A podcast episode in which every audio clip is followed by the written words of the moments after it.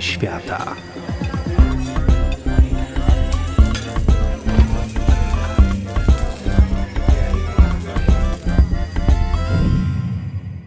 Dzień dobry. W naszej serii kuchennej rozmawiamy o sosach. Trudno więc, żeby zabrakło bardzo znanego sosu, a mianowicie sosu sojowego.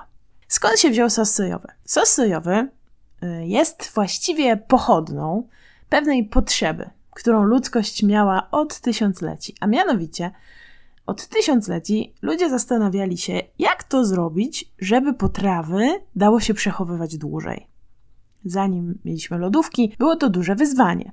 No, oczywiście nie wszędzie był chłód pozwalający na to, żeby zakonserwować żywność. W związku z tym powstawały kiszonki, różnego rodzaju bejce, solone i inne pomysły na to, jak zachować świeżość produktów. I właśnie z takiego pomysłu powstały potrawy, które nazywały się w Chinach jiang. Jiang, czyli właśnie taka kiszonka, coś kiszonego, peklowanego w soli. Temu procesowi jiang poddawano różne produkty: mięso, ryby, warzywa i, co najważniejsze, zboża. I właśnie ponieważ zboża były jednak najtańsze i najpowszechniejsze, w ten sposób powstało jiang z soi. Z soi i z pszenicy. Ta potrawa, właśnie ta papka taka z soi i pszenicy jest uważana za przodkinię sosu sojowego. Upowszechniona w Chinach, stała się dość popularna wśród buddyjskich mnichów. Dlaczego? Dlatego, że zawiera ona bardzo smakowity, już o nim rozmawialiśmy, smak umami, którego brakowało buddyjskim mnichom, ponieważ jedli dietę głównie wegetariańską, opartą na warzywach. Co więcej, nie mogli jej za bardzo doprawiać, ponieważ okazuje się, że takie um, warzywa, które są zazwyczaj używane do tego, żeby dodać troszkę takiego ciekawego twistu do potraw wegetariańskich, czyli cebula, czosnek, por, były uważane za średnio polecane, ponieważ ich aromatyczność mogła pobudzić seksualność mnichów i tym samym odciągnąć ich od tego, czym się powinni zajmować, czyli medytacji, udoskonalania swoich wewnętrznych walorów. W związku z czym mnisi szybko polubili dziang z soi i z pszenicy, który wyewoluował później w nasz sos sojowy. Jak to się stało? Mianowicie tak, że wraz z buddyzmem ta papka dotarła do Japonii. I tam również została przyjęta dosyć ciepło, a następnie proces tworzenia tej papki został udoskonalony w taki sposób, że dzisiaj właśnie mamy z tego sos sojowy. Działo się to mniej więcej w XIII wieku, a później oczywiście również Anglicy poznali sos sojowy i najprawdopodobniej właśnie od japońskiego słowa shoyu jest to słowo soja. Oczywiście dalej y, sos dostał się do, nie tylko do Japonii, ale też do Korei, do Wietnamu i tam bardzo pięknie się rozwijał. I w okolicach XVII wieku poznały go osoby z Europy Zachodniej. Jedną z pierwszych wzmianek o sosie sojowym znajdujemy, co ciekawe, u filozofa Johna Locke'a który w 1679 roku pisze właśnie, że podczas swojej podróży do Indii Wschodnich jadł taki sos, który on nazwał sayo, czyli troszkę właśnie jak shoyu. Co ciekawe, to właśnie Locke wymyślił, że umysł ludzki tworzy pewne koncepcje i idee na podstawie danych, jakie docierają do niego za pośrednictwem zmysłów, a wśród nich zmysłu smaku. Więc myślę, że absolutnie sos sojowy wpisywał się w teorię Johna Locke'a. Później, ale to zupełnie inna historia, y, ten sos dotarł y, również do Wielkiej Brytanii wraz z angielskim kapitanem Williamem Dampierem i został w XIX wieku przekształcony w sos, który nazywa się Worcester, ale jemu może poświęcimy kiedyś więcej czasu. Teraz, jak powstaje sos sojowy? Tradycyjnie używa, używa się y, do tworzenia go soli, wody, soi oraz pszenicy.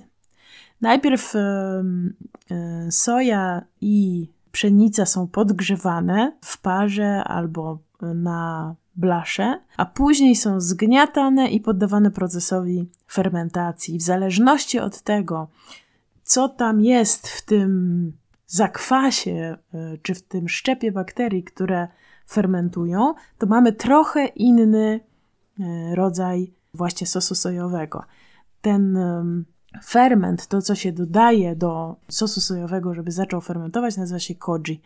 I w zależności właśnie od koji jest troszkę inny sos sojowy. Mikstura fermentuje przez jakieś 3 do 7 dni. Musi to koniecznie się dziać po ciemku, albo w drewnianych, albo w glinianych pojemnikach. A następnie dodaje się wody, soli i jeszcze dodatkowe bakterie, które kontynuują ten proces e, fermentacji. I ten wtórny proces segmentacji e, właśnie tworzy te setki, tysiące małych cząsteczek, które nadają ten wspaniały smak umami. Im dłużej sos jest fermentowany, tym jest szlachetniejszy, trochę tak jak wino. A na koniec tę papkę, bo cały czas to jest papka, przeciska się e, przez taką szmatkę i w ten sposób uzyskujemy sos sojowy. Jak pamiętacie, opowiedzieliśmy sobie skąd się wziął sos sojowy, popodróżowaliśmy troszkę po Azji, a teraz jeszcze przecisnęliśmy wszystko przez elegancką szmatkę. No i mamy sos sojowy. I co można z nim zrobić? No, oczywiście mnóstwo rzeczy. Zastosowań sosu sojowego jest pełno. Natomiast ten, który e, chciałabym Wam dzisiaj polecić, będzie jeszcze wykorzystywał jedną ciekawą, jeden ciekawy składnik, mianowicie bakłażana. Z bakłażana może naprawdę robić cudowne rzeczy. Chyba bakłażan też zasługuje na osobną audycję, ale to nie tym razem. Dodam jeszcze tylko, wspominałam, że w zależności od koji, czyli tego, mm, tego szczepu bakterii, który dodaje się, żeby robić tę wtórną fermentację, otrzymujemy inny rodzaj sosu sojowego. I my oczywiście znamy właściwie jeden, może dwa, może trzy, ale warto pamiętać o tym, że ich jest kilka. Jest na przykład koikuchi, czyli taki y, ciemny y, sos sojowy, w którym używa się dokładnie tyle samo pszenicy co soi. Jest usukuchi, który jest taki lżejszy, ale bardziej solony. Jest też tamari, y, który jest robiony właściwie głównie y, z, z soi. I jest też ważny, dlatego że on jest wolny od glutenu. No i jeszcze jest shiro, które jest robione głównie z pszenicy, a także saishikomi, czyli taka wariacja, w e, której sos sojowy jest jeszcze dodatkowo poddawany procesowi, w którym gęstnieje, czyli staje się takim gęstym, zawiesistym sosem, a nie tym płynnym, który znamy. Oczywiście my znamy taki e, najprostszy. Ważne, żeby kiedy czytamy skład sosu sojowego, przeczytać i do, upewnić się, że są tam tylko te niezbędne składniki, ponieważ niektóre firmy oczywiście przyspieszają procesy mm, poprzez dodawanie różnych substancji, które w oryginalnym sosie sojowym nie powinny się znaleźć. A teraz szybki przepis. Potrzebujemy jednego czosnku, całą główkę, jednego bakłażana, trochę oliwy z oliwek, yy, trochę sosu sojowego, około 4 łyżek, limonkę, a właściwie sok z połówki limonki, natkę pietruszki, dwie łyżki stołowe, tylko niedużo, świeżo zmielony czarny pieprz i ewentualnie, jeśli chcemy troszkę podostrzyć, pół łyżeczki płatków chili. Co robimy? Rozgrywamy piekarnik do 220 stopni, myjemy czosnek i myjemy bakłażana. Kroimy na pół wzdłuż bakłażana, czosnek y, też kroimy na pół i wkładamy do y, piekarnika. Tą rozciętą powierzchnią do góry, na blaszę wyłożonej papierem do pieczenia albo folią. Smarujemy delikatnie oliwą i pieczemy w piekarniku około 30-40 minut tego naszego kłażana. Czosnek również tam pieczemy. Nie musimy go smarować oliwą, możemy, czyli piecze się czosnek, piecze się bakłażan.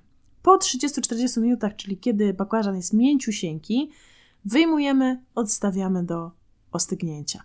Kiedy oba warzywa ostygną, Wyciśnij miąższ czosnkowy, miąższ bakłażana wyjmij łyżką, połącz je i zmiksuj na pióre.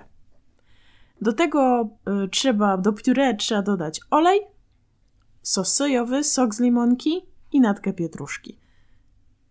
Blendujemy albo miksujemy i do tego dipa dodajemy odrobinkę płatków chili, ewentualnie czarnego pieprzu. Ten dip z bakłażana z sosem sojowym świetnie pasuje do świeżej bagietki, do świeżej ciabaty, do różnych serów, solonych migdałów, ale też po prostu do warzyw pokrojonych w słupki. Życzę Wam smacznego sosu sojowego.